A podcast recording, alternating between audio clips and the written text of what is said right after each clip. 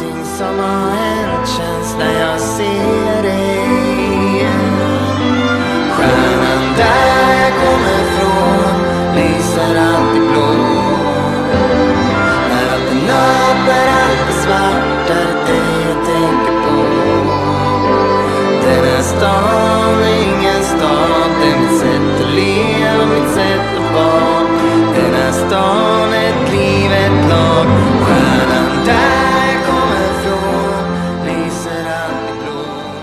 Innan vi drar igång, glöm inte att följa podden på sociala medier. Där heter vi Aktafans Podcast och finns på Instagram och Twitter. Glöm inte heller poddens fantasyliga.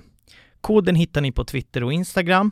Jag jobbar för att få in eh, priser till topp 3-spelarna.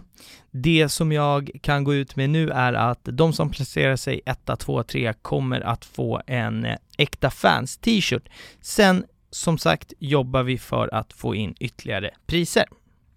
IFK Norrköping är en klubb som det blåst om på senare tid. Många som jobbat inom klubben i många år har slutat och i slutändan kunde allt kopplas till den före detta ordföranden Peter Hunt, som nu efter påtryckningar från klubbens aktiva supportrar valde att avgå. Annars är det en klubb som idag är otroligt slagkraftiga sportsligt och sitter på en väldigt god ekonomi, men som för 12 år sedan var på väg att åka ur superettan. Idag pratar vi både om de tunga åren där klubben varit på väg mot mörkare tider. Vi pratar också om året då flera tippade Peking att åka ur, men istället krossar man allt och går och vinner guld. Dagens gäst hade Pekings cupfinal från 94 inspelad och enligt hans mamma så kollade han på den nästan varje dag när han var liten. Dagens gäst har stenkoll på allt som rör IFK Norrköping. Och med det sagt, välkommen till Äkta Fans Macke! Tjena, tack så mycket. Hur är läget med dig? Jo tack, det är bra. Eh, lite trött idag, hade ett SFS-styrelsemöte igår kväll. Tagit lite lunch nu, ska snacka lite med dig så det blir kanon. Ja, härligt. Vi har ju lite annan inspelningstid. Jag brukar spela in det här på kvällstid, men nu kör vi ett lite, en lunchinspelning så vi ser hur, hur det går sådär. Ja, man kände att det passar bra. Ja, men bra med energi och solen skiner.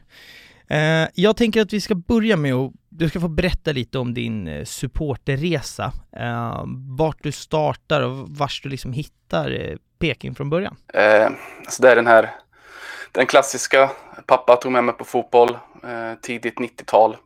Vet inte exakt när det är. Eh, 93, 94 tror jag lyckats få ner det till. Eh, är man från Norrköping så är det nog där någonstans, kanske lite tidigare, som man går sina första matcher här eh, på parken. Man är, då var jag alltså sex år, så jag kanske var lite sent då. Sju år till och med. Eh, Mm. Men det brukar vara där någonstans tror jag. Så de flesta IFK-supportrar skulle eh, ha nog samma, samma story skulle jag tro. Ja men det är väl det vanliga att man eh, får med mig farsan. Vi har ju hört lite olika dock här i, i podden, men jag tror den är den absolut, absolut eh, vanligaste sådär. Vi, vi pratade lite inför och du, du berättade lite kort om att eh, mamma hade skvallrat om att du hade någon, eh, någon kuppmatch inspelad där som du brukade kolla på typ var och varannan dag. Berätta om det. Precis. Eh, ja, det var ju på tiden där det var lite begränsat utbud. Då. Och det hade jag Svenska cupen-finalen från 1994 mot Öster som vi vinner inspelad. Där eh, Gedda Hansson gör flera mål och blir stor hjälte. Och den, eh, enligt mamma då, så såg jag den ett par gånger i veckan. eh, det ska även ha varit någon match från VM 94 som jag hade inspelat som jag tror är Nigeria-Argentina. Som jag också satte på. Jag tror de var på samma kassett eller om de var på två olika. Då, men de två matcherna var det jag kollade på på mitt rum. Ja, det här är också v- VOS va? Det vet eh, många Jajamän. lyssnar inte ens vad det är kan jag säga. Många unga som lyssnar. Exakt. Ja, men det är tiderna före liksom, där man kunde välja och vraka hur många matcher man ville se på en helg. Liksom. där, där jag vill att vi startar idag, eh, IFK Norrköping idag är ju väldigt slagkraftiga, så alltså sportsligt. De har en otrolig trupp om man kollar inför säsongen som, som stundar. En fin, fin ekonomi och sådär. Men det är inte så extremt länge sedan, om vi går tillbaka 12 år i tiden, så är IFK Norrköping alltså på väg att åka ur eh, Superettan. Det går super, super tungt. Och som jag förstår det så är du 2009, alltså 12 år sedan, då du befinner dig runt, eh, runt läktaren och är aktiv redan då. Hur mörkt var det då? För om man kollar 2009 så är IFK Norrköping en klubb med 12 SM-guld, man ser sig själva som en stor klubb i Sverige och sen ligger man där. Hur, hur mörkt är det? Eh, nej, jag var, på den tiden så var jag nog mer att jag gick med kompisar än att jag var liksom engagerad eh, direkt så i grupperingar eller i sportkulturen. Men det är klart att jag var ju på matcherna och sådär. Eh, vi hade ju 2008 hade vi gått upp och spelade allsvenskan, åkte ur med dunder och brak och sen bara fortsatte det 2009. Mm. Eh, ekonomin var i botten. Liksom hela året så gick egentligen snacket om att konkursen var nära. Ja, och det, var, det såg ju jättemörkt ut liksom. Det var... Eh, jag kommer ihåg att, för det var superettan sändes ju inte alla matcher på tv då heller, så det var lite radio mm. eh, man fick använda. Och eh, det, var, det var riktigt mörkt liksom. Det, det, är så svårt att ta in, alltså 2009, så, som du förstår här för mig, är ju ett, ett år som jag kommer ihåg det, det, typ varenda sekund. Eh, men eh, alltså, det är så sjukt att ta in att Alltså det, det, är samma sak när man tänker, om man pratar AIK, nu, nu är inte AIK kanske vad de var för, för några år sedan, men eh, alltså AIK också, superettan 2000, 2000, nej 2005. Ja, det stämmer. Och det, det, det, känns så sjukt, IFK Norrköping, för det känns som en klubb som alltid har spelat i Allsvenskan, men när jag väl började forska på det så, det, du har några liksom mörka år, vilket gör den, där ni är idag, än mer imponerande skulle jag säga. För idag så, jag menar, ni, ni är väl tredje eller fjärde största ekonomin i svensk fotboll idag, eller någonting i den stilen va? Ja, eh, jag tror det är Malmö, Häcken och vi. Ja. Eh, så Djurgården har väl smugit upp där också någonstans nu va? Med jäkla bra ekonomi. Ja, de har väl 100 mille på banken och sådär. Danielsson ja. ja, exakt. Nej, men så det är ju en otrolig resa. Eh, men det var åtta eller nio år vi spenderade i Superettan och var väl liksom mediokra i Superettan under många säsonger. Mm. Eh, vi har ju berömda när liksom året efter vi åkte ut så kallade det liksom återtåget. Vi skulle ju bara tillbaka till allsvenskan där vi är hemma. Mm. Eh, får stryk mot Boden.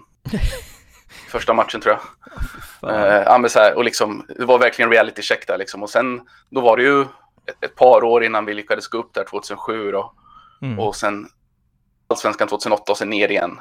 Det, det var en annan tid, alltså no, IFK Norrköping här i stan är liksom, alla håller ju på Norrköping. Fast mm. vi har en förlorad generation lite grann där, där det tappades en hel del. Eh, så det blev väl så automatiskt kan jag tänka mig. De sökte sig till andra klubbar eller utländska klubbar liksom. Mm. Och sen var väl lite snacket om, en grej som man kommer ihåg att vi kallas ju ofta Peking, men det är väldigt få personer som benämner fotbollsklubben som Peking här i stan, utan det är Snoka eller IFK. Det här läste jag också, vad, vad betyder Snoka?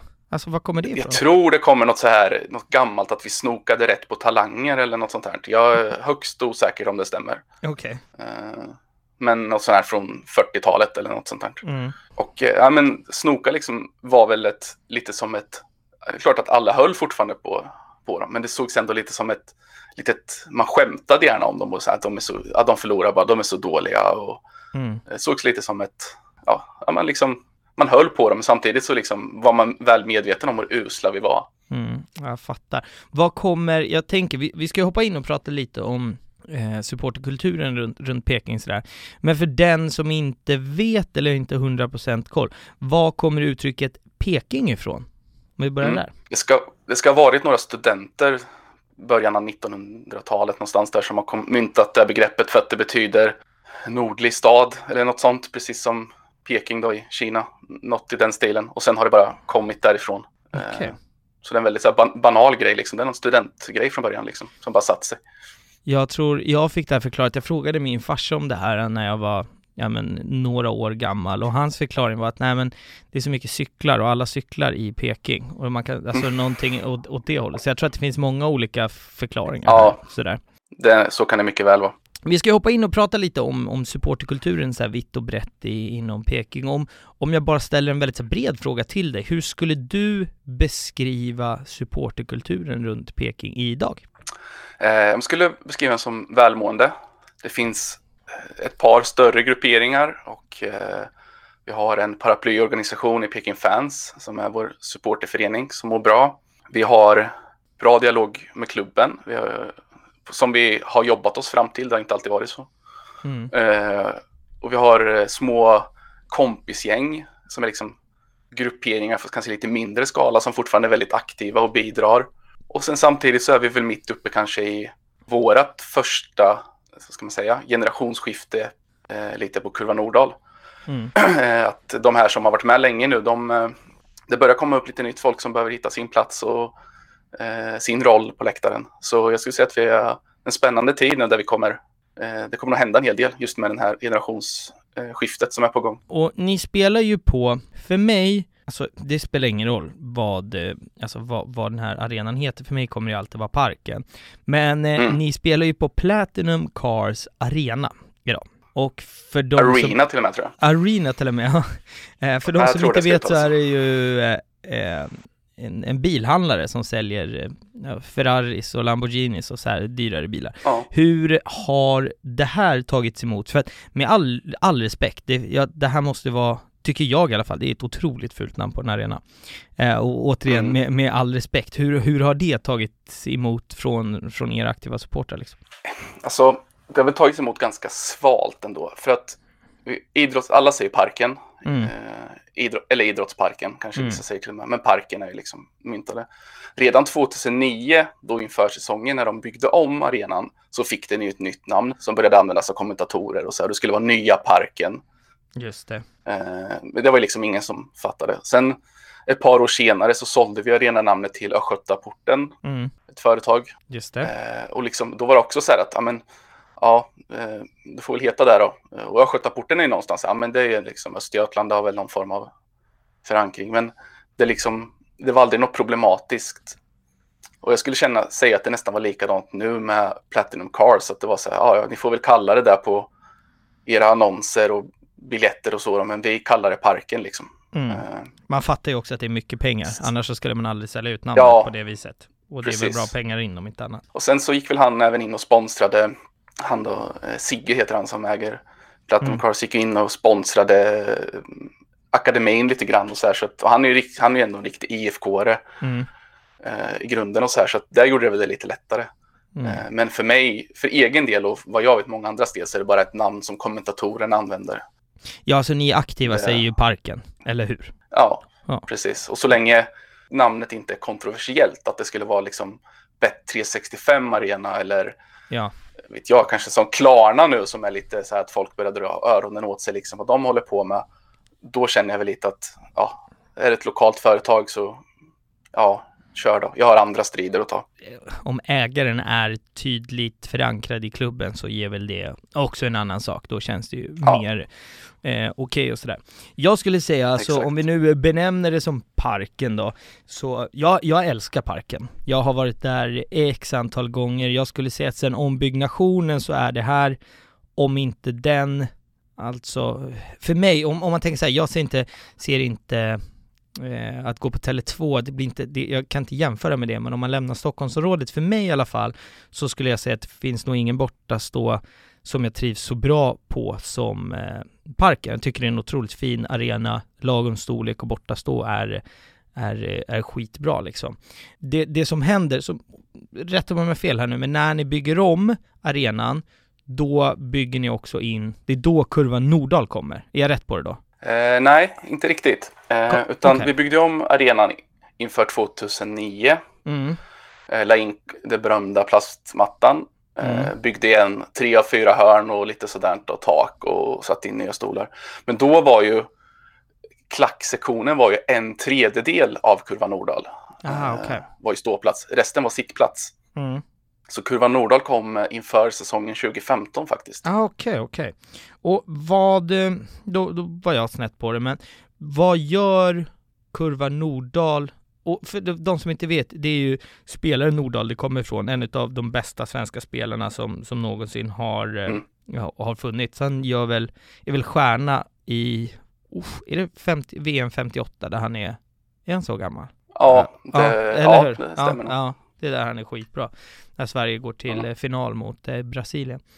Men så det är därifrån det kommer. Va, vad gör den här eh, då från 2015 då, eh, ska vi utgå ifrån. Vad hände Mm. med eran supportkultur och eran läktare där och då liksom? Man kan ju, om man går tillbaks lite grann där så är det, ett, det är inte bara så att helt plötsligt är en ståplatsläktare där, utan det är ju ett jobb som pågår under, med, tillsammans med supportrar och framförallt vår dåvarande klubbdirektör eh, Magnus Munken Karlsson, en gammal spelare, Mhm.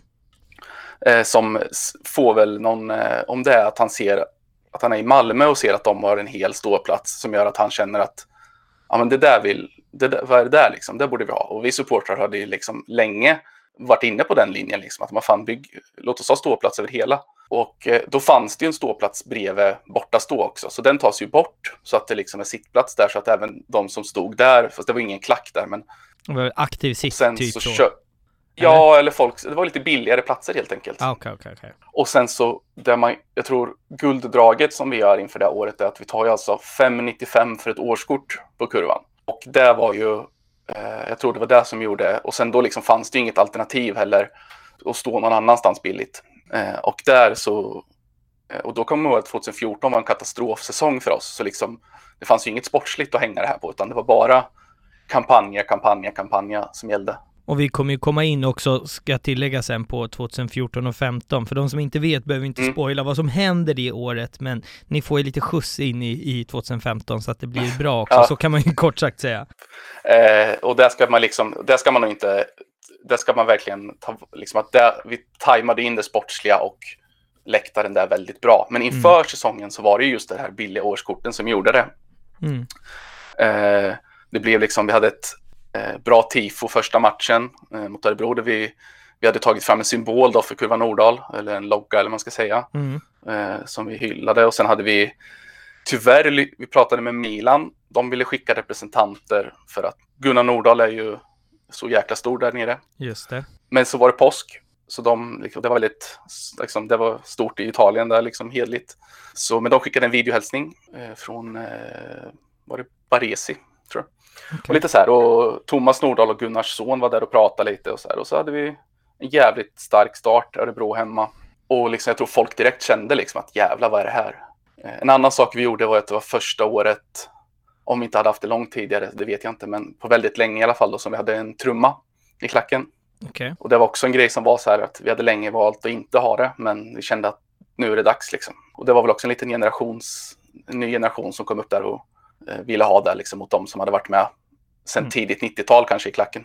Mm. Och så, den, så allt det där liksom passade in jävligt bra och vi gick väl från att ha, jag menar vi kan ju ha liksom 3 500-4 tusen på där och vi kanske ligger i snitt på 2 500 Mm. Eh, Sen säger inte jag att alla är, sjunger i 90 minuter, verkligen inte, men vi har ju mångdubblat våra sjungande supportrar, har vi verkligen gjort. En anledning till att jag tycker det är kul att gå på, på parken liksom och åka dit, dels så är det ju förhållandevis kort bortaresa och sådär, men det är ju kul för att många bortamatcher man åker på i, i, i Sverige som, som AIK-supporter, då tar man ganska i mångt och mycket över den ena, men det är inte känslan i Norrköping. Det blir en alltså, grymma läktarkamper. Eh, där, där Kurva Nordahl eh, levererar. i- Mm. Alltså, det är en bra klack och det är bra eh, liv och bra tryck där. Så att det, jag håller helt med dig om att det finns, eh, att, att det är bra drag alltså. Ja, och det är väl känslan vi har lite också, att innan så var det ju lätt att eh, Stockholmslagen kom ner och tog över liksom. Även om vi mot Stockholm ofta fyllde våran klacksektion mot eh, ja, Bayern, AIK, Djurgården, så Mm. var det fortfarande väldigt lite. Alltså vi var ju liksom numerärt underläge ofta Mm. på hemmaplan klackmässigt liksom. Och det här har ju fått ett sånt luft för oss. Och det har framförallt kommit till blivit en grej med Kurva Nordahl liksom att spelarna pratar om det och liksom det lyfts fram som en, liksom en faktor att välja IFK Norrköping hos spelare och ledare och sånt där. Eh. Jag, jag tror mycket handlar om, speciellt i städer där, där inte allt kommer gratis, precis som du sa där tidigare, att man har hållit på Peking, men det, det är inte, som man ska använda det uttrycket, många tycker inte att det är coolt. Men när man får till att den, den Mm. yngre generationen tycker att det är jävligt coolt och, och, och heja på klubben och jävligt coolt att stå på läktaren. När man får till det i, i en stad som har liksom ett lag, nu vet jag att det finns fler lag i, i Norrköping, men det är ett stort. När man får till det, då har man en, en jävla snöbollseffekt och då kan man få till liksom magi läktarmässigt. Mm. Och det känns ju som att, alltså det var inte så, kanske när vi pratar när, liksom, när man ligger i mitten slash botten på Superettan 2009, men här så får man till det. Att så här, du vet, ungarna när de är i mellanstadiet, eh, högstadiet, det är så här, fan vad coolt att stå där, dit vill jag. Och sen bygger man på det. Är jag rätt på det då? ja, absolut. Ja. Eh, det är en stor faktor. Och Mm. just det här att, liksom att ungarna vill ju kunna sitta, kidsen kunna sitta och se YouTube-klipp liksom och då vill de ju gärna kunna se från, det är kanske då de väljer vad de vill göra och ser Mm. de då liksom en väldigt liten tam klack där inte så många ställer sig, då kanske inte de heller vill stå där nästa gång. Men det Mm. här liksom, här vill ju, här vill du stå liksom om du går på. Och vi har även fått med oss väldigt många, eh, som min egen pappa till exempel som varit sittplatssupporter innan, står ju på kurvan och sjunger för fullt nu liksom. Mm. Och väldigt inkluderande också. Vi, vi kommer komma in på det lite tidigare, men i, som jag, alltså vad jag vet om IFK Norrköping så har det varit lite rörigt aktiva supportrar gentemot klubben. Man har inte alltid dragit jämnt. Det är så som jag har förstått det. Vi kommer komma in på det lite senare så ska vi svara lite djupare på det. Men jag tänker att eh, Eh, du har ju funnits med runt eran tifo-verksamhet i x antal år, inte i dagsläget på grund av att du har bildat familj och sådär, men berätta lite om den tiden runt tifo-verksamheten. Jag var inte med i de tidiga åren där, men jag har väl varit med sedan kanske 2012 eller något sånt där. Och det har varit en Pekings tifo-grupp där ungefär samma människor hela vägen som har gått in kanske i ett generationsskifte nu de senaste två, tre åren där det är nya unga grabbar och tjejer som har tagit över. Och det var väl också en, det är väl också lite att vi har väl kanske väldigt, jag skulle säga att vi har blandat och gett lite på Kurva Nordahl. Eh, vi har ett par bra tifon eh, och vi har ett par som, inte, som är lite mi- mindre lyckade. Och ofta, vi, vi har haft lite svårt att få ekonomin att gå ihop. Eh, men jag står och skramlar med tifohinkarna. Vilka, vem har kontanter på sig idag liksom? Ja. Eh, och det, visst, du har Swish, men det, är inte, det går inte lika snabbt som att få folk liksom att eh, slänga i ett par 20 i hinken liksom. Eh, När var skillnaden när alla har varit och druckit bärs och har liksom tre 20 Ja. och sju 10 på sig att kasta i? Det är ju någonting annat, så är det ju bara. precis. Och, eh, och liksom, så där var vi väl lite sena på att kanske inse att ja, men tifo-skramlandet är inte vägen att gå, utan det är internetkampanjer, Swish-kampanjer som är, som är vägen liksom. Men så ekonomin har ju varit, den har varit svår att få ihop för tifogruppen i stundtals. Mm. Sådär. Men annars tycker jag vi har hållit en bra nivå på våra bästa tifon, det tycker jag. Eh, Hur, hur ser klubben på, på tifo-verksamheten? Vi- Vissa som jag pratar med här har jättemycket backning från klubben och klubben pushar in med pengar och lokal och, och hjälper till. Hur, hur har relationen där varit gentemot klubben? Är de positiva till liksom, tifo-verksamhet? Eh, nu är de definitivt det senaste, sen kanske 2015 och framåt. Mm. Lite innan det med kanske, men i, tidigare än det så hade vi en säkerhetsansvarig som vi supporterna låg i konflikt med under lång tid.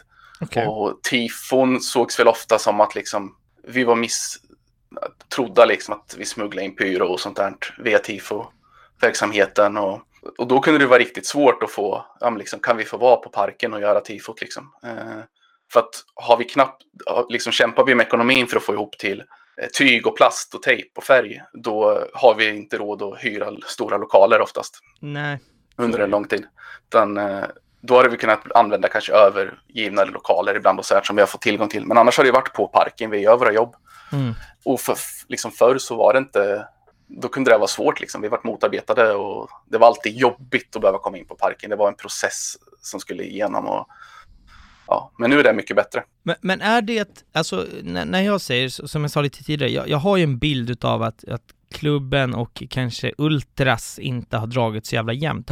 Och den bilden, jag vet inte riktigt vart jag fått den ifrån, men kan det ha att göra med just den här gamla säkerhetsansvaret? Det var väl att de, klubben gillade verkligen inte pyro och att det blev körigt mellan typ Ultras och eh, klubbledning. Ja, Jag, är jag rätt, eh, åt rätt håll här eller? Absolut. absolut. Eh, vi hade ju en eh, gammal säkerhets som hade varit säkerhetsansvarig väldigt länge och som hon inte är med i bilden längre så alla vet vem vi pratar om men vi kan, hon kan få vara namnlös här. Mm.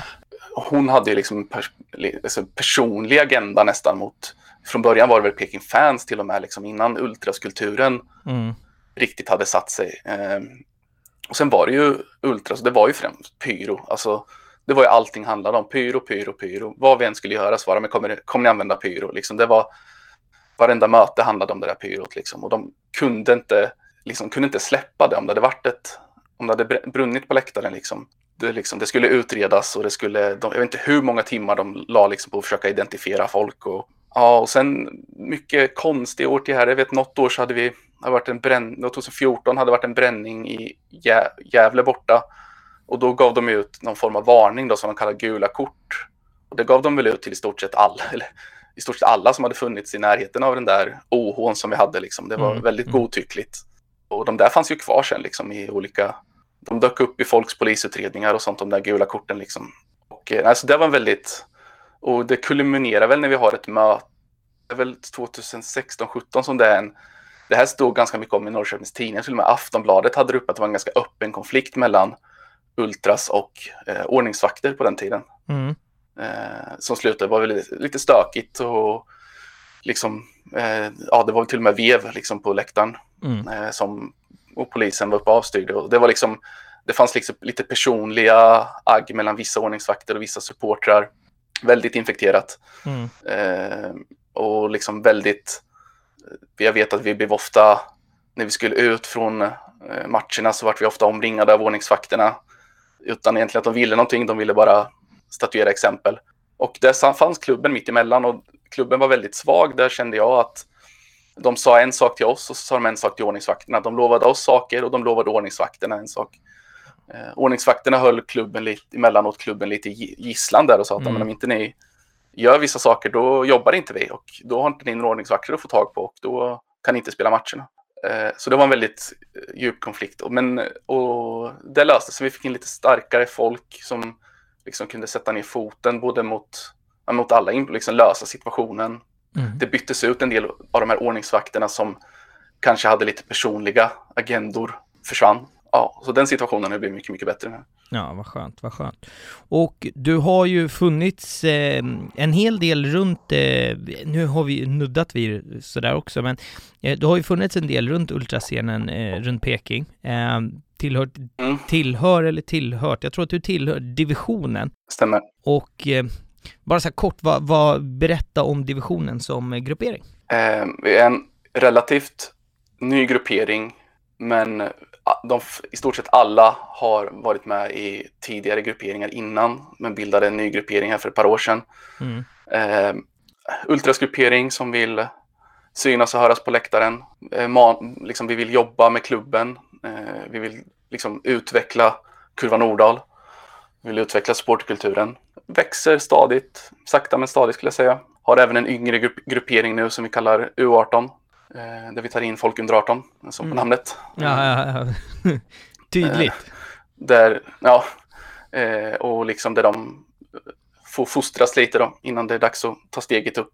Ja, en väldigt typisk svensk ultrasgruppering skulle jag säga att vi Och det, det intressanta i det, det är faktiskt det du nämner, att ni vill jobba tillsammans med, med klubben och eh, sen, sen behöver inte det betyda att man alltid tycker lika eller drar jämnt, det är en helt annan diskussion, men att grundtanken är att, eh, att man vill jobba tillsammans med klubben är väl det som, som kommer ta er, alltså som, som har tagit er dit ni är nu och kommer Precis. eh, göra att det, det fortsätter eh, rulla så att säga. Ja, det gäller ju alltid ha den här, ja, men som du säger, man kommer aldrig komma helt överens och det ska man inte göra som support, alltså supporterkultur och klubb. Alltså den gränsen kommer alltid finnas där, där man inte kommer helt överens och det, liksom det ligger i, det ska bara vara så tycker jag. Det är Ja, naturligt. dig. Men man ska ändå kunna föra en dialog med varandra och liksom försöka hela tiden att komma framåt. Liksom, vad, är det bästa, liksom, vad är det bästa för IFK Norrköping?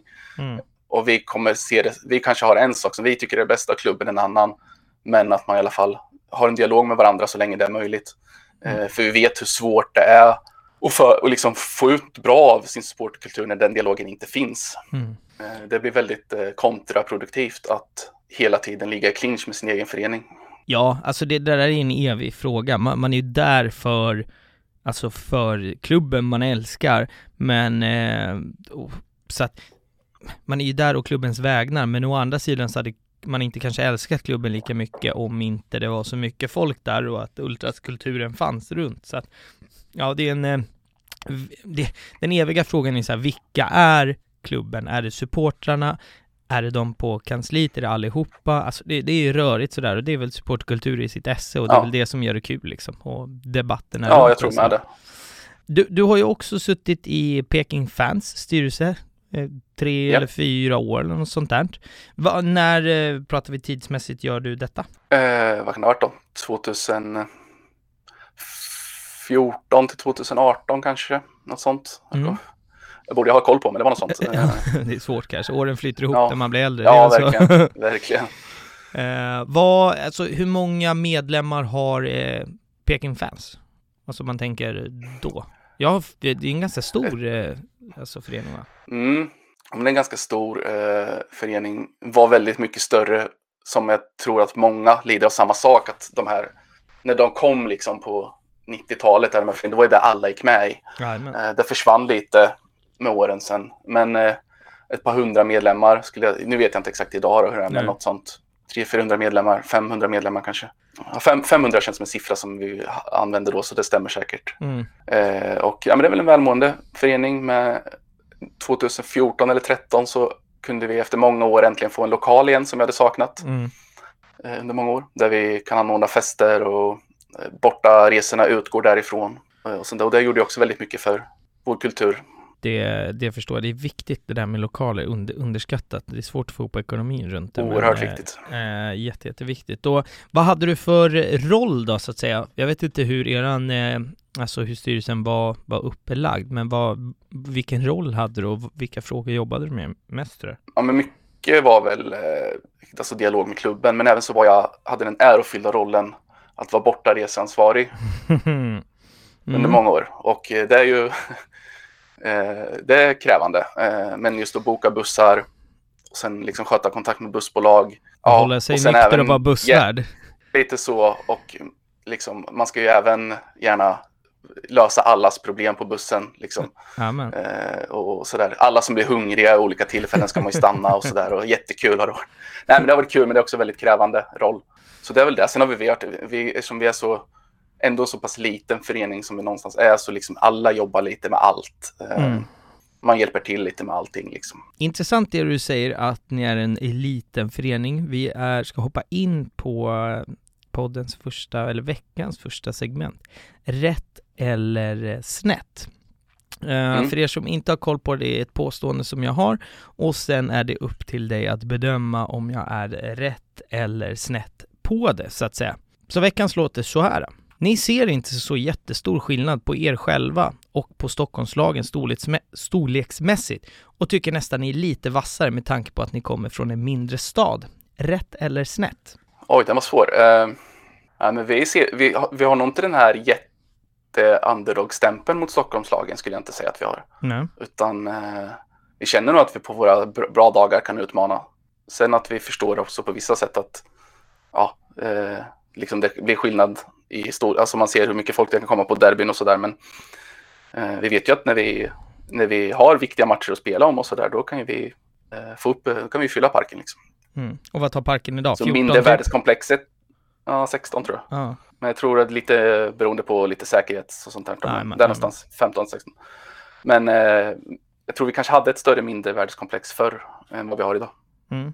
Nej, det, det är min bild också och Eh, jag tycker väl att så här, med, eh, med all rätt på, på något sätt, för att jag menar, jag, första gången jag var i Norrköping var många år sedan. Och då var det ju precis som att komma till en en mindre stad i, i Sverige. Man, man kände att här valsar man in på gator och torg och gör exakt vad fan man vill och skriker vad man vill vart som helst. Men det känns mm. inte riktigt samma i Norrköping idag. Det känns som att supporterkulturen har, har växt, man kommer in där och som liksom, eh, om man kollar eh, ur mitt perspektiv som AIK att alla åker ju till Norrköping. Alltså där är ju biljetterna ofta, ofta slut i och med att det är en bortaresa man kan ta med yngre på, det är inte så lång resa och så vidare och många bilar själva så, så är det ju extremt bra läktarkamper där leder AIK med 2-0, ja men då kanske AIK är vassare, ligger vi under med 2-0, ja men då är Norrköping vassare, så det blir en riktigt bra,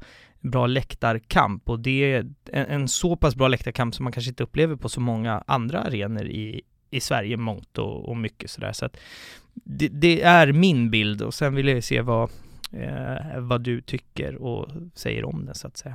Ja, och sen när vi, vi kan ju liksom även, vi har ju visat att eh, när vi storsatsar bort, bortaplan liksom, då får vi iväg mycket folk. Mm. Vi har liksom, vi har flera matcher nu där vi över, förutom om man bortser då från Malmö som vi kommer till sen som var något extremt 2015, så, men nu har vi liksom flera matcher där vi har 2 500.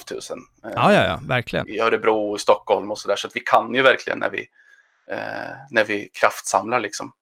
Eh, så jag har en bild att för Stockholmslagen att Norrköpingsresan är mångas första bortamatch också va? Verkligen, verkligen. Norrköping ja. alternativt eh, eh, Örebro Alternativt för många år sedan var Gävle kanske den första matchen, för där var det, Ja. det var en snällare stämpel, så dit kunde man åka. Men eh, Mm. det, den bilden har du helt rätt i. Det är det jag menar med att så här, på de matcherna så tar biljetterna ofta slut för att har man en, fan vet jag, en, en son eller en dotter på typ 11-12 som alla varit på bortamatch, så kanske man inte bränner ner liksom så här eh, Helsingborg borta som första, utan då blir ju Norrköping en, en, en jättebra Nej, första resa, får man uppleva det, så det har du ju helt rätt i.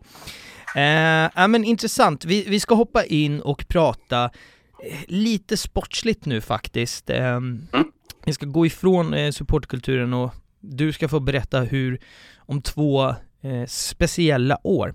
Först har vi 2014 och för att förklara Norrköping 2014 kort, så det, det går skit, eh, kort sagt. Eh, ni är på väg mot, eh, mot kval, torskar det mesta. Det som, alltså, det som räddar den här säsongen är en väldigt stor profil hos er, eh, Ante Johansson som lämnar mittfältet, trycks ner i backlinjen och bara så här städa upp det här, håll oss kvar, eh, vilket ni, eh, ni lyckas med. Hur, hur var den säsongen? Alltså, nu har vi pratat lite om 2009, men hur, hur kändes det då liksom? Eh, 2014 var, alltså spelet var riktigt bedrövligt. Eh, vi hade ett bra lag, men vi hade Ante Johansson, han spelade i och för sig mittfältare då. Vi hade Kamara där framme. Eh, vi hade Kujovic. Eh, ja, men liksom, vi hade ett bra lag. Eh, vi borde inte ha gått så dåligt som vi gjorde. Eh, sen kommer vi har ju ofta en, en match som vi ofta återvänder till när vi pratar om den här. Det är ju typ näst sista bortamatchen mot Falkenberg. Torskar, vi typ våran, nu kommer jag, nu får jag säga att jag verkligen inte kommer ihåg, vi hade en tillfällig målvakt då som jag verkligen inte kommer ihåg vad han heter. Nej. Som var helt katastrof och typ kastar in en boll och jag tror vi förlorade med 4-2 eller något sånt borta Mm. mot Falkenberg och det var en sån här måste-match. Jag kan tänka mig att Falkenberg låg och slogs med oss där. Mm. Eh, och det kändes bara, jag vet när vi satt på bussen hem där, var en av oss som höll ett, gick fram och liksom tog micken och bara, men fan vi är, tillbaka, vi är på väg tillbaks dit vi hoppades aldrig mer återvända. Men eh, ja, först ska vi till Gävle och vi har ju fortfarande chansen, liksom. Mm. Vilka ska med? Och vi fyllde, liksom i stort sett alla på den bussen skrev upp sig på den borta resan direkt. Eh, jävligt häftigt så liksom. Mm. Och sen storsatsade vi lite till Gävle och fick iväg lite bussar och så, och så vände det där i Gävle sen. Mm. Eh, vi vann där och så vann vi mot Örebro hemma tror jag, då var det klart. Eh, men i den säsongen var liksom så här, den var väldigt, det bara liksom, vi bara förlorade och förlorade, man bara kände bara shit det här går, alltså vi kommer åka ut liksom. Det, Mm. Hur stoppar vi det här liksom? Alltså det är ju, de, de flesta som lyssnar här har ju haft de här jävla tunga säsongerna när inget går rätt. Alltså inget, det är så stolpe ut över, alltså, över åtta månader och det, allt känns ju piss, skit och elände. Och det som händer här är att, som du säger, ni har ett ganska bra lag. Eh, ni har eh, Janne Andersson på bänken redan 2014, eller hur? Som tränare? Ja, han kom, han kom ju när vi gick upp där Ja. 2000, ja, när det var 2010. Ja, Eh, 2011 exakt. var hans första säsong. inför 2015 så får ju så journalister och tränare och alla lagkaptener och sådär tippa liksom, typ allsvenska, vem som vinner och, och sådär. Och flertalet journalister tippar eh, Norrköping att typ så här, kvala, tia, några tippar att de ska Mm. åka ut, men eh, det hände ju inte.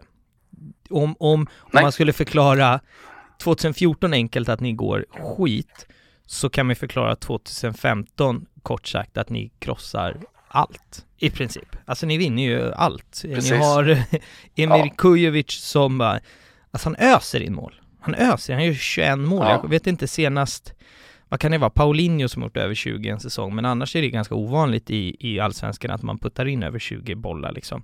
Eh, berätta lite om eh, om liksom säsongen i stort, sen kommer vi hoppa in på själva avgörandet. Det kommer eh, Mm. lite senare sådär, men berätta. Ja, men det var ju, det är liksom, vi nämnde det lite innan, det här är ju Kurva Nordahls första säsong också. Eh, och liksom det går så jäkla bra i början och man, man liksom, men det kan ju vara liksom, ja, det kommer ju vända det här liksom, det kommer inte gå så här bra, men det bara fortsätter. Och det största vi har gjort egentligen är väl att flytta ner Ante, Ante Johansson då, som mittback och fått in Daniel Sjölund på mitten. Mm. Eh, han var ju klar sommaren 2014, men Åtvid ville inte släppa honom till oss. Eh, för de höll på att åka ur och de gjorde det till slut. Mm. Eh, för det. Och det var, det var liksom den egentligen stora skillnaden. Sen var det väl, nu kommer jag inte ihåg exakt, det var säkert några, ett par till nyförvärv, men i stort sett var det samma lag. Jag tror Bärkroth kom inför den säsongen också. Men annars så var det i stort sett samma lag. Eh, och vi bara vinner och vinner och vinner. Framåt hösten där, det går liksom inte att få tag på biljett, det är slutsålt. Eh, jag vet vi ska möta, vi har Helsingborg hemma. Det är också en sån här match där det står och väger lite. Och Ante Johansson trycker in en boll i liksom 3-2 tror jag, typ sista minuten, eller om det är 2-1 eller något sånt. Men, mm. Och det blir liksom sån galen eufori på läktaren så det är helt otroligt. Och så hade det liksom sett ut där att vi hade liksom inte bara kört över laget utan vi lyckades vara starka hela vägen in och ta lite så sena segrar och sånt där. Mm. Eh, den säsongen var otrolig, men man gick fortfarande och väntade hela tiden på att att vi skulle sluta vinna. Liksom. För att man hade varit så dåliga så länge. Mm. Alltså det här att ligga i toppen på allsvenskan som vi gör nu, det, liksom, det fanns inte då. Det, liksom, ja, det man bara väntade på att raset skulle komma egentligen. Mm, mm. Men eh, det gör det ju faktiskt inte. Eh, och Nej. det blir en sista avgörande match. Eh, man har allt i egna händer, man ska åka ner till Malmö och spela mot MFF. Och denna match eh, leder oss så fint in på dagens andra segment, Away Days, där vi startar mm. med Malmö borta 2015. Eh, ni bokar eget tåg bland annat, ni får med er 6000 gubbar från Norrköping, vilket är en fantastisk eh, siffra. Berätta om den eh, resan eh, ner. Eh, det började ju när vi började inse det här att ja, men fan, det kan bli en guldmatch i Malmö. Var så här, vi började titta på lösningar med tåg och så här. Och fanns väl egentligen ett tåg att hyra som man kunde göra så där om man ville ha. Om man inte bara ville abonnera typ ett SJ-tåg utan man vill ha ett eget tåg liksom. Eh, mm. Så man fick hyra där från Göteborg och så kom de upp och hämta.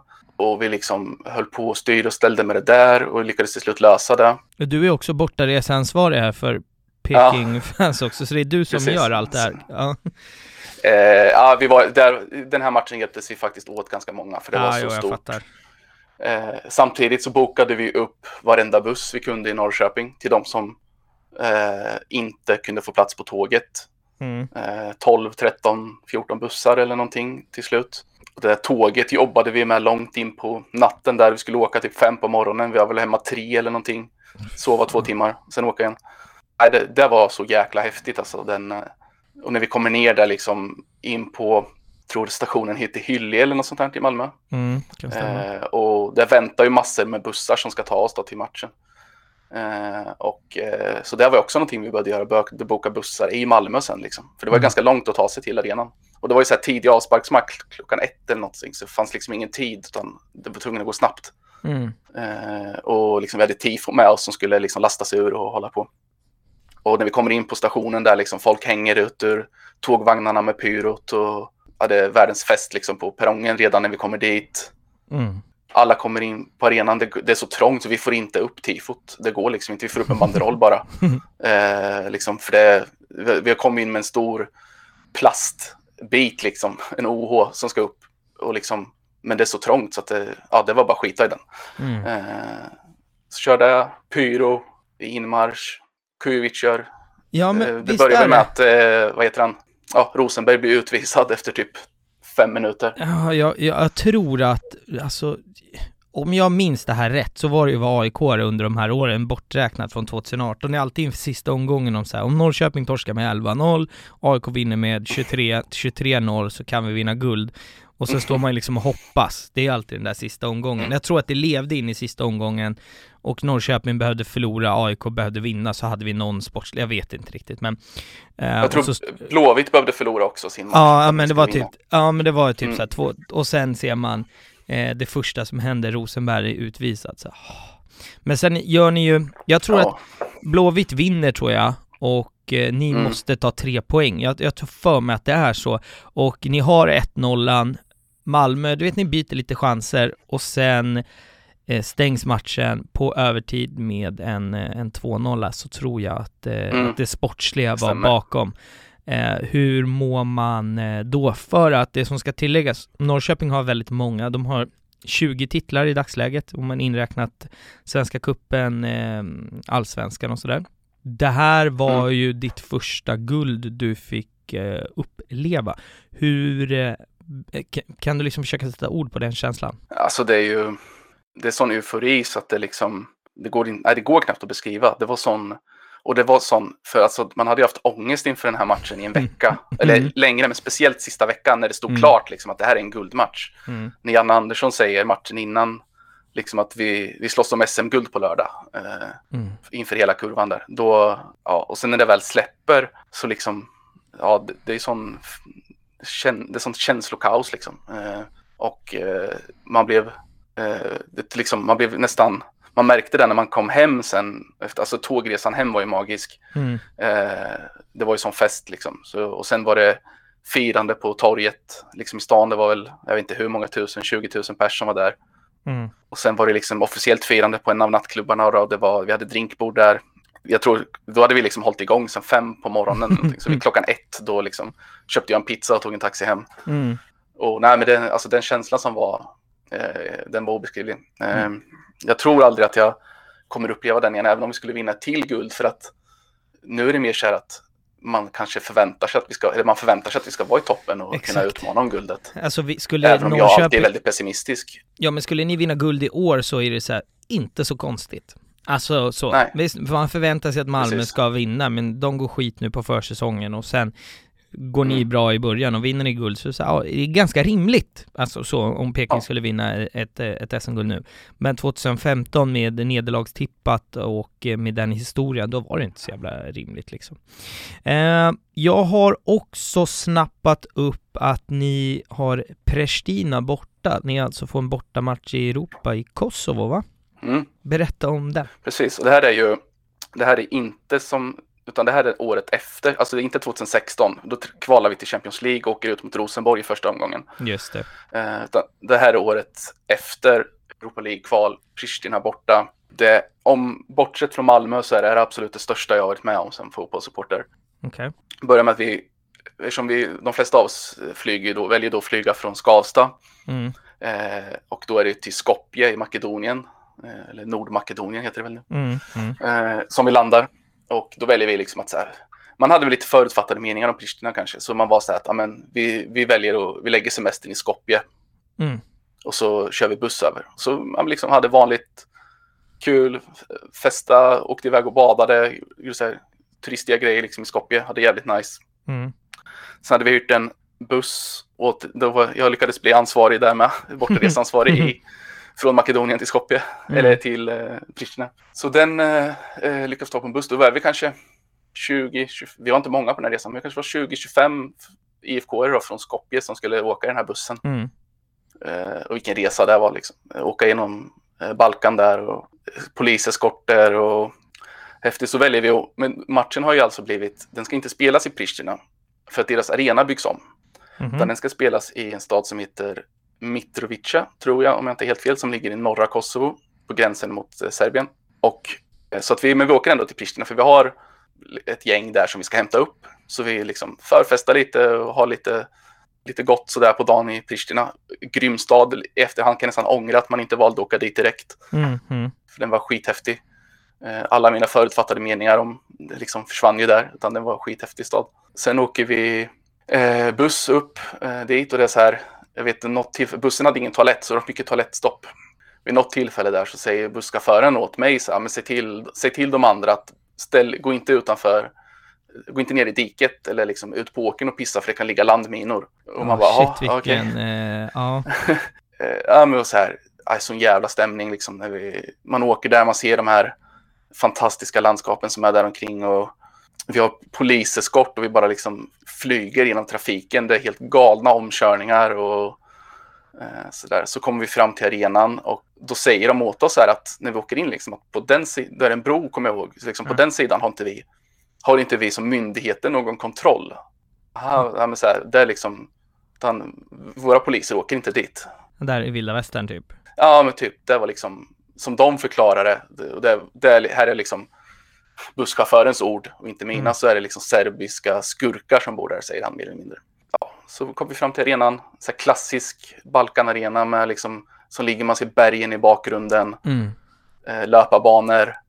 Eller liksom inget tak eller någonting. Som, eh, som ni som har varit på Europamatcher vet så säljs det ju ingen alkohol. Nej. Eh, det kan ha börjat säljas, jag vet inte om det börjat säljas 3 5 sista säsongen vi var där i Sverige. I alla fall ingen, så att vi var så här, men det kommer inte finnas någon alkohol. Eh, och liksom, vi hade ingen möjlighet, det fanns liksom ingen, vi hittade ingen kiosk direkt då där vi kunde köpa eller någonting. Utan så här, men man fick dricka upp det man hade på bussen. Kommer in på arenan liksom. Och någon Jag bara, gissar "Fan, de på att säljer bärs." reglerna inte hölls här. då. Nej, nej. De bara säljer bärs. Vi bara, ja, ja. Sluta nu liksom. Så här. Jo, jo, men fan, så kom det, kom det två killar gående med långburk.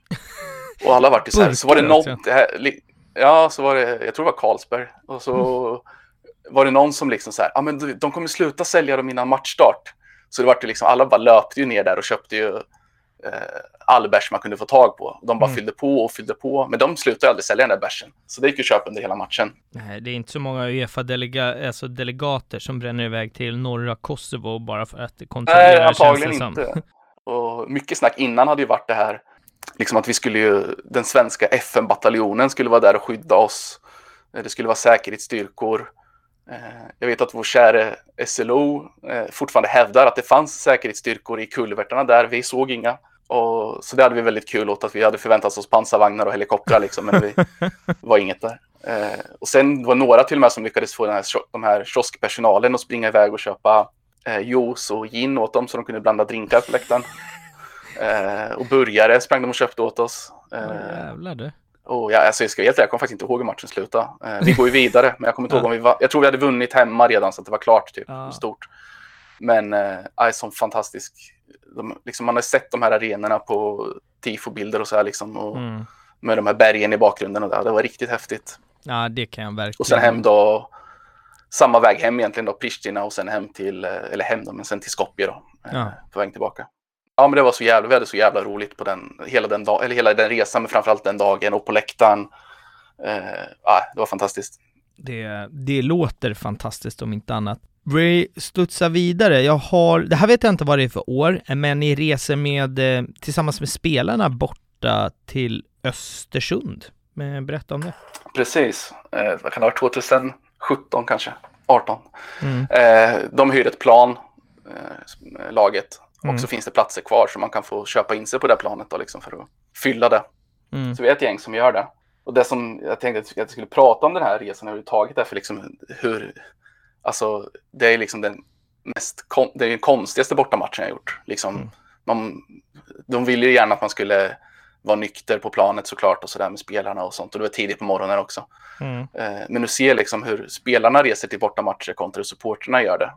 Mm. De blir ju vallade som eh, dagisbarn. Precis, det är någon som säger åt dem när de ska äta, vad de ska göra hela tiden. Det var väldigt, väldigt speciellt måste jag säga. Det var Ja men det är mycket så här, folk, ja, men de ska ju bara tänka kom- på fotbollen liksom. Och så får någon annan tänka på det Ja, andra och också. så här, de skulle, de skulle liksom mellanlanda på något hotell där efter flyget och det var så Mm. här, ja men ni har tio minuter på er att checka in, en kvart på rummet, sen är det mat, sen är det så här, ja, så det var mest det som var väldigt intressant. Det var en kul resa liksom, Mm. hängde lite med spelarna och sånt, men det var väldigt, väldiga kontraster mot många andra bortamatcher. Det kan jag verkligen förstå.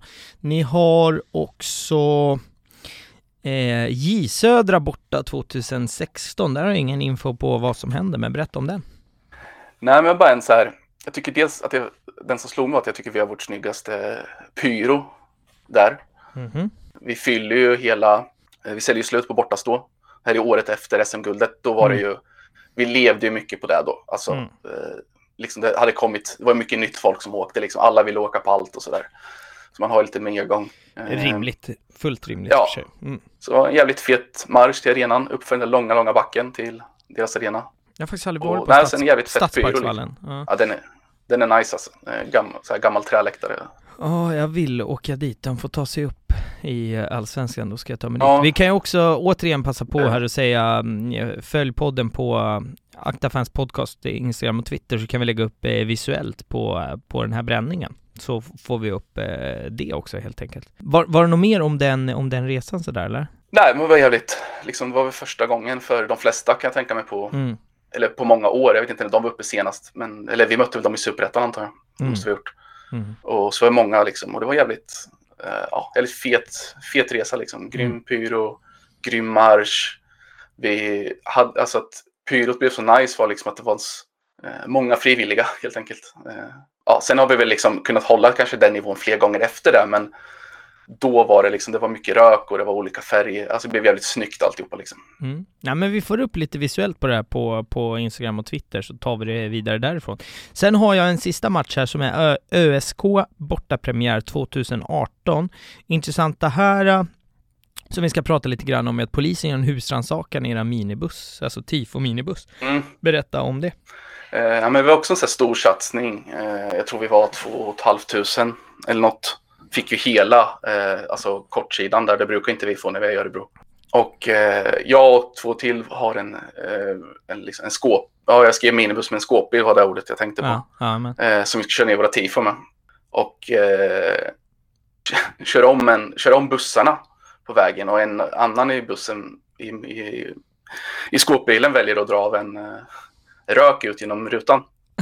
Eh, för jag tyckte det var lite kul av någon anledning. Mm. Eh, och det var väl de som ringde polisen då. Och helt vad det är så, ja men en polisbil som kör upp och nästan, det går liksom ganska långt. Vi hinner ju glömma bort det där. Vi sitter, de andra, jag kör, men de andra sitter väl och festar lite i bussen, eller i skåpbilen liksom. Och det är Mm. hög musik och sen är plötsligt bara en polisbil som väldigt argt nästan svänger in framför oss och vi får så här stanna till. Mm. Eh, springer fram, typ sliter ut mig i stort sett. Och bara, vad fan håller du på liksom, varför stanna? Då hade de tydligen försökt få mig att stanna väldigt länge, men det var så här, det var hög musik och sådär, så jag hade inte sett dem i backspegeln. Mm. Eh, så de var ju svinförbannade. Eh, och liksom bara skrek på mig, öppna, öppna dörren, eller öppna bagageutrymmet då, eller skåpet liksom. De trodde Mm. säkert att, det, att vi hade eh, passagerare där i liksom. Ah, fattar. Eh, och, sen, ja, och sen skulle de ju slita ut det där tifot och gräva under och sådär. Så det, ja, det var eh, som vanligt så, Eh, ja det fanns ju ingenting att hitta. Vi hade ingen pyro heller eller någonting där. Liksom. Och sen var det som vanligt när vi är i Örebro att vi är på det stora torget där. Eh, brukar boka upp de där uteserveringarna, marsch till arenan, jävligt fet inramning. Jävligt, också en jävligt nice eh, det är svårt att komma, liksom, välja ut, det finns så mycket, liksom, alla feta matcher, men försök komma på några liksom, eh, lite speciella sådär. Så, Men här tycker jag också vi har fått in, eh, in, eh, lite, lite bredd på, på ett gäng olika. Sen, sen förstår väl alla som lyssnar om du till och med har varit bortareseansvarig i officiella supportergrupperingen. Så att det, det är inte de här bortaresorna du har varit på. Du har ju varit på fler så att säga, men eh, det var här vi valde att ta upp. Eh, Exakt. Vi ska studsa vidare från away days och eh, prata om det som har varit egentligen eran eh, höst slash eh, vinter. Eh, det har varit Mm. rörigt runt eh, klubben, rörigt som djävulen skulle man kunna säga i, eh, Ja. tidigt på det här året om inte annat. Många som har jobbat länge inom klubben har valt att sluta och det går ju att härröra till Idag då eran eh, före detta klubbdirektör är väl den rätta benämningen, Peter Hunt. Be- berätta varför han... Eh, har- ordförande. ordförande, förlåt. Ehm, berätta varför Precis. han inte har varit eh, omtyckt liksom. Starten till det och sen liksom så här, lite konkret vad har han gjort, sagt eh, och eh, hur ni jobbade för att han inte ska vara ordförande längre. Så det började med att Peter Hund tog över Katt då när vi höll på att åka ut 2009 och konkursen stod inför dörren. Mm. Och det Peter Hunt gjorde, som han har liksom hyllat för väldigt länge, är ju att han lånar ut pengar till klubben. Han lånar ut 20 miljoner och blir styrelseordförande och varit, varit styrelseordförande sedan dess.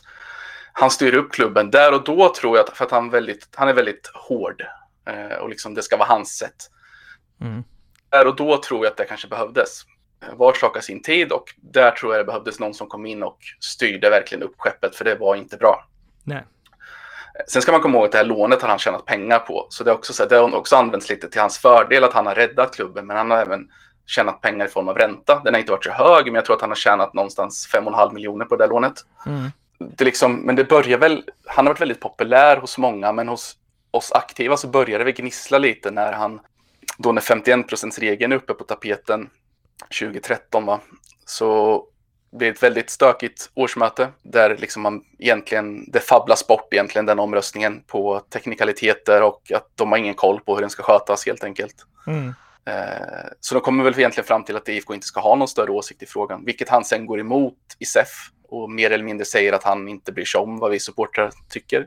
Problemet var att folk hörde det där och berättade det för oss, andra Mm. supporterrepresentanter som var där. Okej.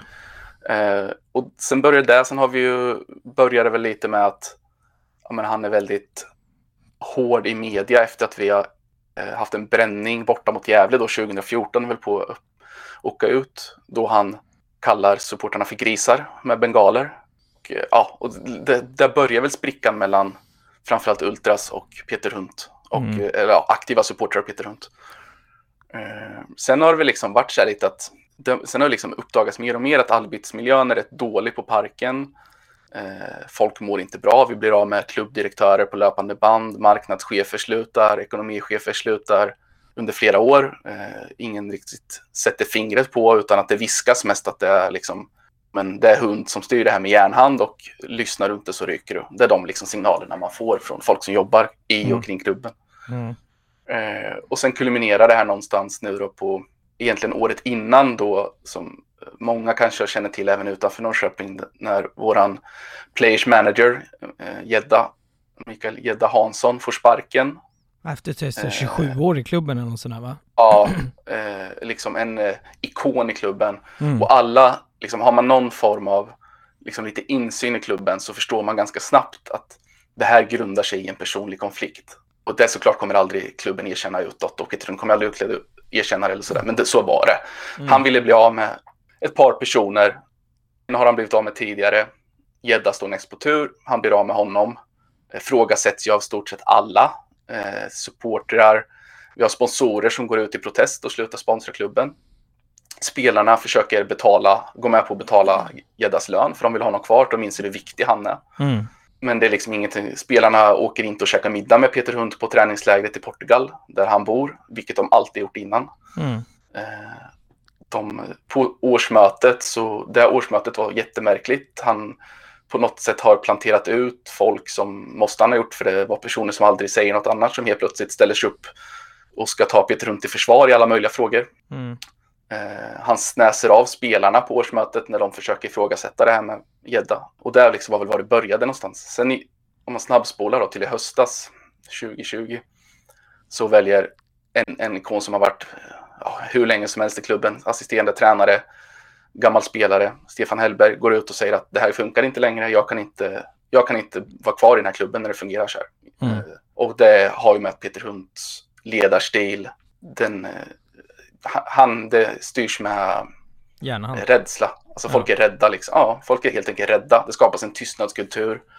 Eh, folk mår dåligt på jobbet. Eh, det här börjar ju sippra ut till oss som är nära klubben. Och vi förstår ju att ja, men nu måste vi göra någonting. Liksom.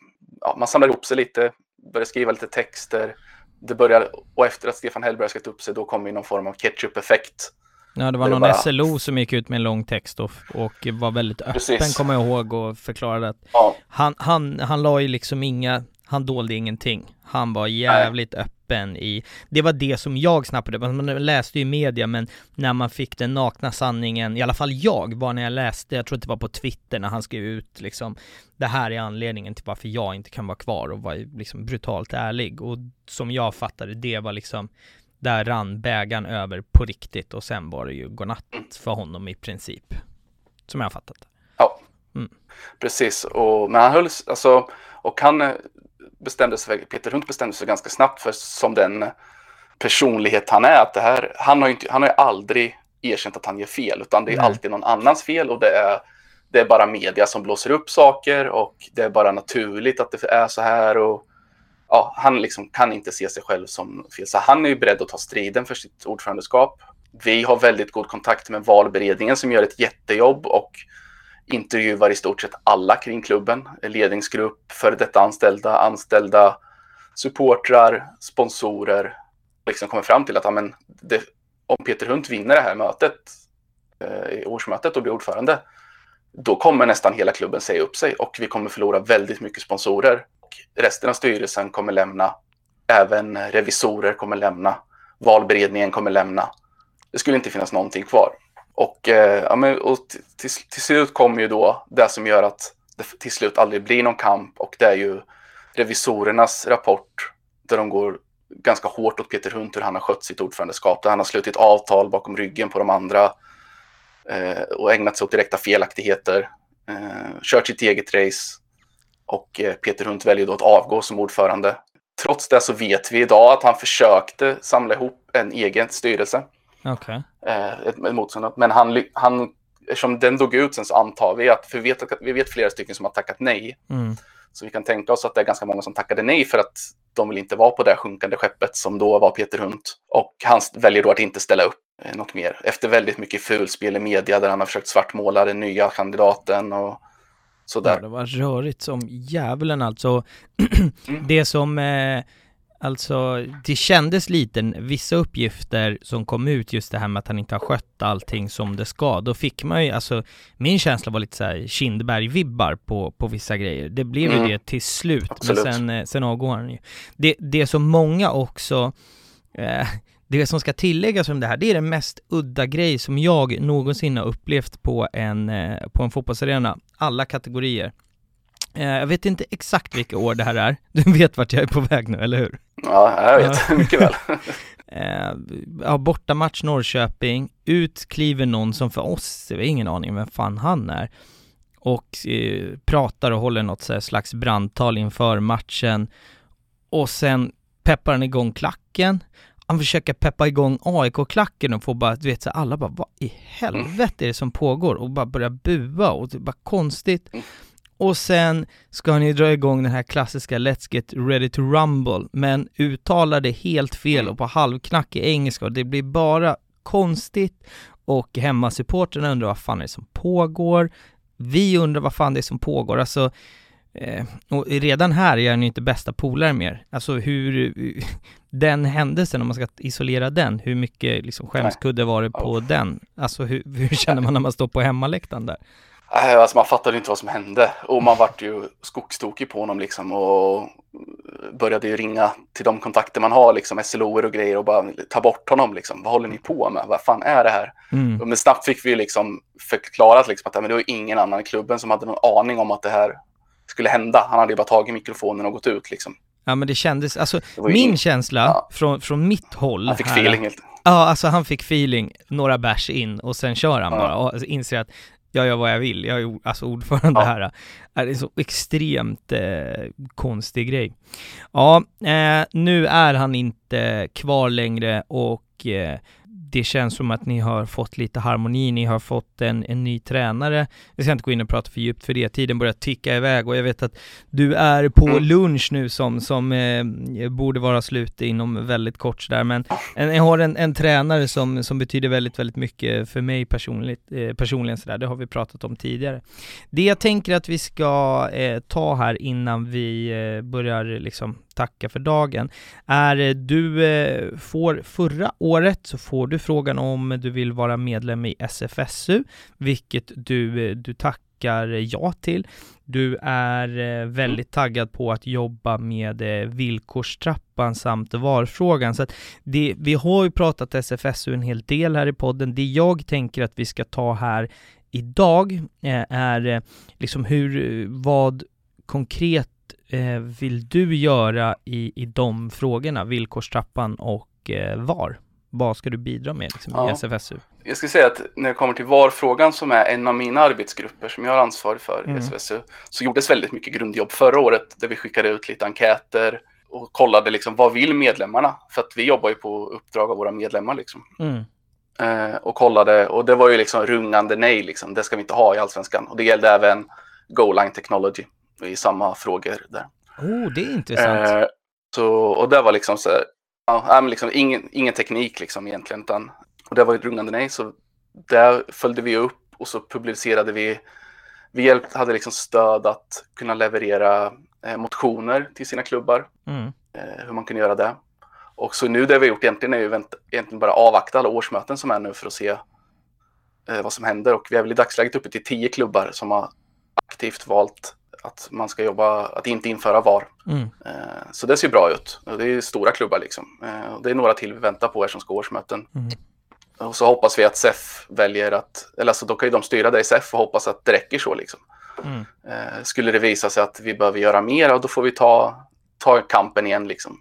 Så är det ju. För det här är ju ett, enligt mig och ja, uppenbarligen då de flesta aktiva supportrar i våra serier här ett hot mot vår support, supportkultur Mm. Mm. och mot fotbollen. Så är det Eh, verkligen. Så där kommer vi jobba hårt med att det inte ska komma in då, utan det är vår förhoppning att vi, för vår förhoppning är att det ska, att vi har gjort det mesta av jobbet nu, liksom att de här årsmötena ska väga så tungt så att de här klubbarna kan jobba i SEF och motverka det. Och det är väl samma med, eh, alltså du jobbar mer med eh, VAR då än vad du jobbar med villkorstrappan, förstår jag rätt då? Precis, jag jobbar med VAR och eh, lite föreningsdemokrati. Eh, vi håller på och egentligen kollar över lite hur årsmötena har fungerat nu. De flesta har haft det digitalt, liksom, om det har Mm. varit om folk upplever att det har varit föreningsdemokrati säkert till exempel och sånt.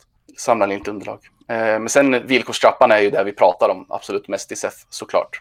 Mm. Eh, även om inte jag är ansvarig för den arbetsgruppen så är det någonting, alltså det är där mötena handlar om till störst del, liksom, utvecklingen där, vad vi kan göra. Började väldigt starkt där 2019 med den här lanseringen av Rädda Svensk Fotboll som är ett initiativ från SFSU och andra supportrar. Mm. Eh, har man inte läst den så gå in på raddasvenskfotboll.com och läs om villkorstrappan så har ni missat det, att ni sovit under en sten eller något så förstår ni, kan ni förstå hur illa det kan faktiskt gå.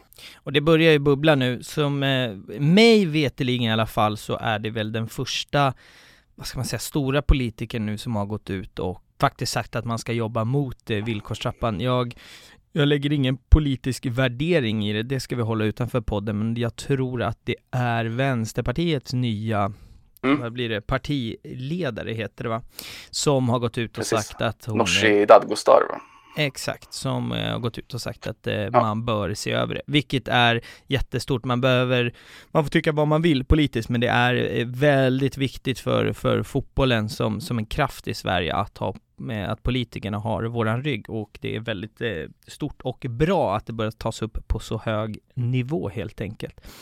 Jag tänker också, du kan få nämna det lite kort, du har sagt själv att du brinner väldigt mycket för medlemsdemokrati och skrivit, skrivit flertal eh, motioner och sådär till, eh, till din egna klubb. Har du någonting, alltså någon motion där som, som har liksom varit viktigare än någon annan som du har eh, fått in och sådär eller? Eh, ja, men jag skulle säga, dels hade vi, jag och Pekingfästs ordförande Sebastian Bengtsson skrev förra året en motion om VAR, Mm. att, att vi skulle vara emot det. Då kom årsmötet fram till att vi skulle avvakta SEFs utredning.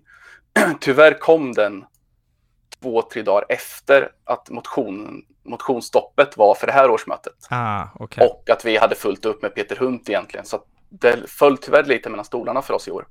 Eh, så vi vet inte riktigt vart IFK Norrköping står i den, men det håller på att jobbas med det. Mm. Eh, sen en annan så lite enklare motion som är ganska självklar, som jag är stolt över att få in, det var ju att vi ska ha minst ett medlemsmöte utöver årsmötena varje år. Mm. Som eh, har blivit väldigt populärt och väldigt uppskattat. Så det är jag lite stolt över att lyckades få igenom. Det var Mm. inte speciellt svårt att få igenom, men ja, det skulle ändå igenom liksom. Ja men då så, då har vi eh, haft eh, en timme och 15 minuter väldigt fina minuter tillsammans eller vad man ska säga och jag har en sista fråga till dig och det är egentligen vad är supporterkultur för dig? Eh, supportkultur för mig är stort, bortsett från eh, mina barn så är det ju det viktigaste för mig. Eh, det är här mina vänner finns, det är mitt stora intresse. Det är här jag lägger stor del av min tid, förutom kanske barn, träning. Det, det är allt för mig, liksom, utan det är egentligen nästan alla mina vänner kommer från supportkulturen idag. Och, eh, ja, utan den så skulle jag vara väldigt vilsen tror jag. Nej, det är eh, jag återigen, jag delar orden och eh, otroligt fina sista ord. Är det någonting sista du vill eh, tillägga innan vi tackar för eh, dagen och veckan? Eh, nej, och tacka dig för att jag fick vara med helt enkelt. Du, den, eh, det är jag som ska tacka för det. Jag har velat göra ett Peking-avsnitt eh, länge och jag är superglad att jag eh, hittade just dig så vi fick till ett, ett grymt avsnitt. Och för er som lyssnar så tackar jag också för denna vecka så hörs vi nästa måndag. Ta hand om er, ha en fin vecka. Ciao! Genom folkparken, bron över strömmen Uppför backen till Couvin som när jag var liten och du var allt. Länge sen och kul att se dig igen som om ingenting har hänt. Allt som har hänt känns när jag ser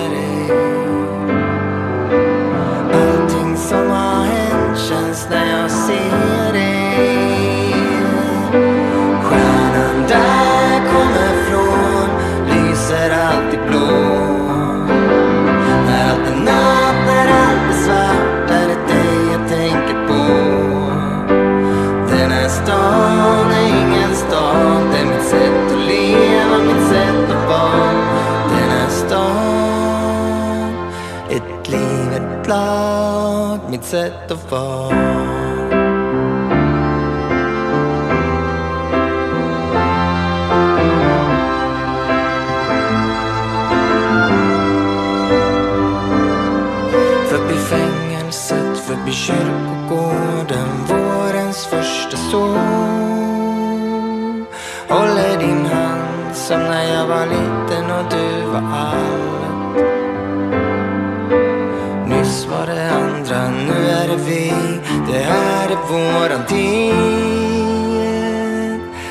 Allt som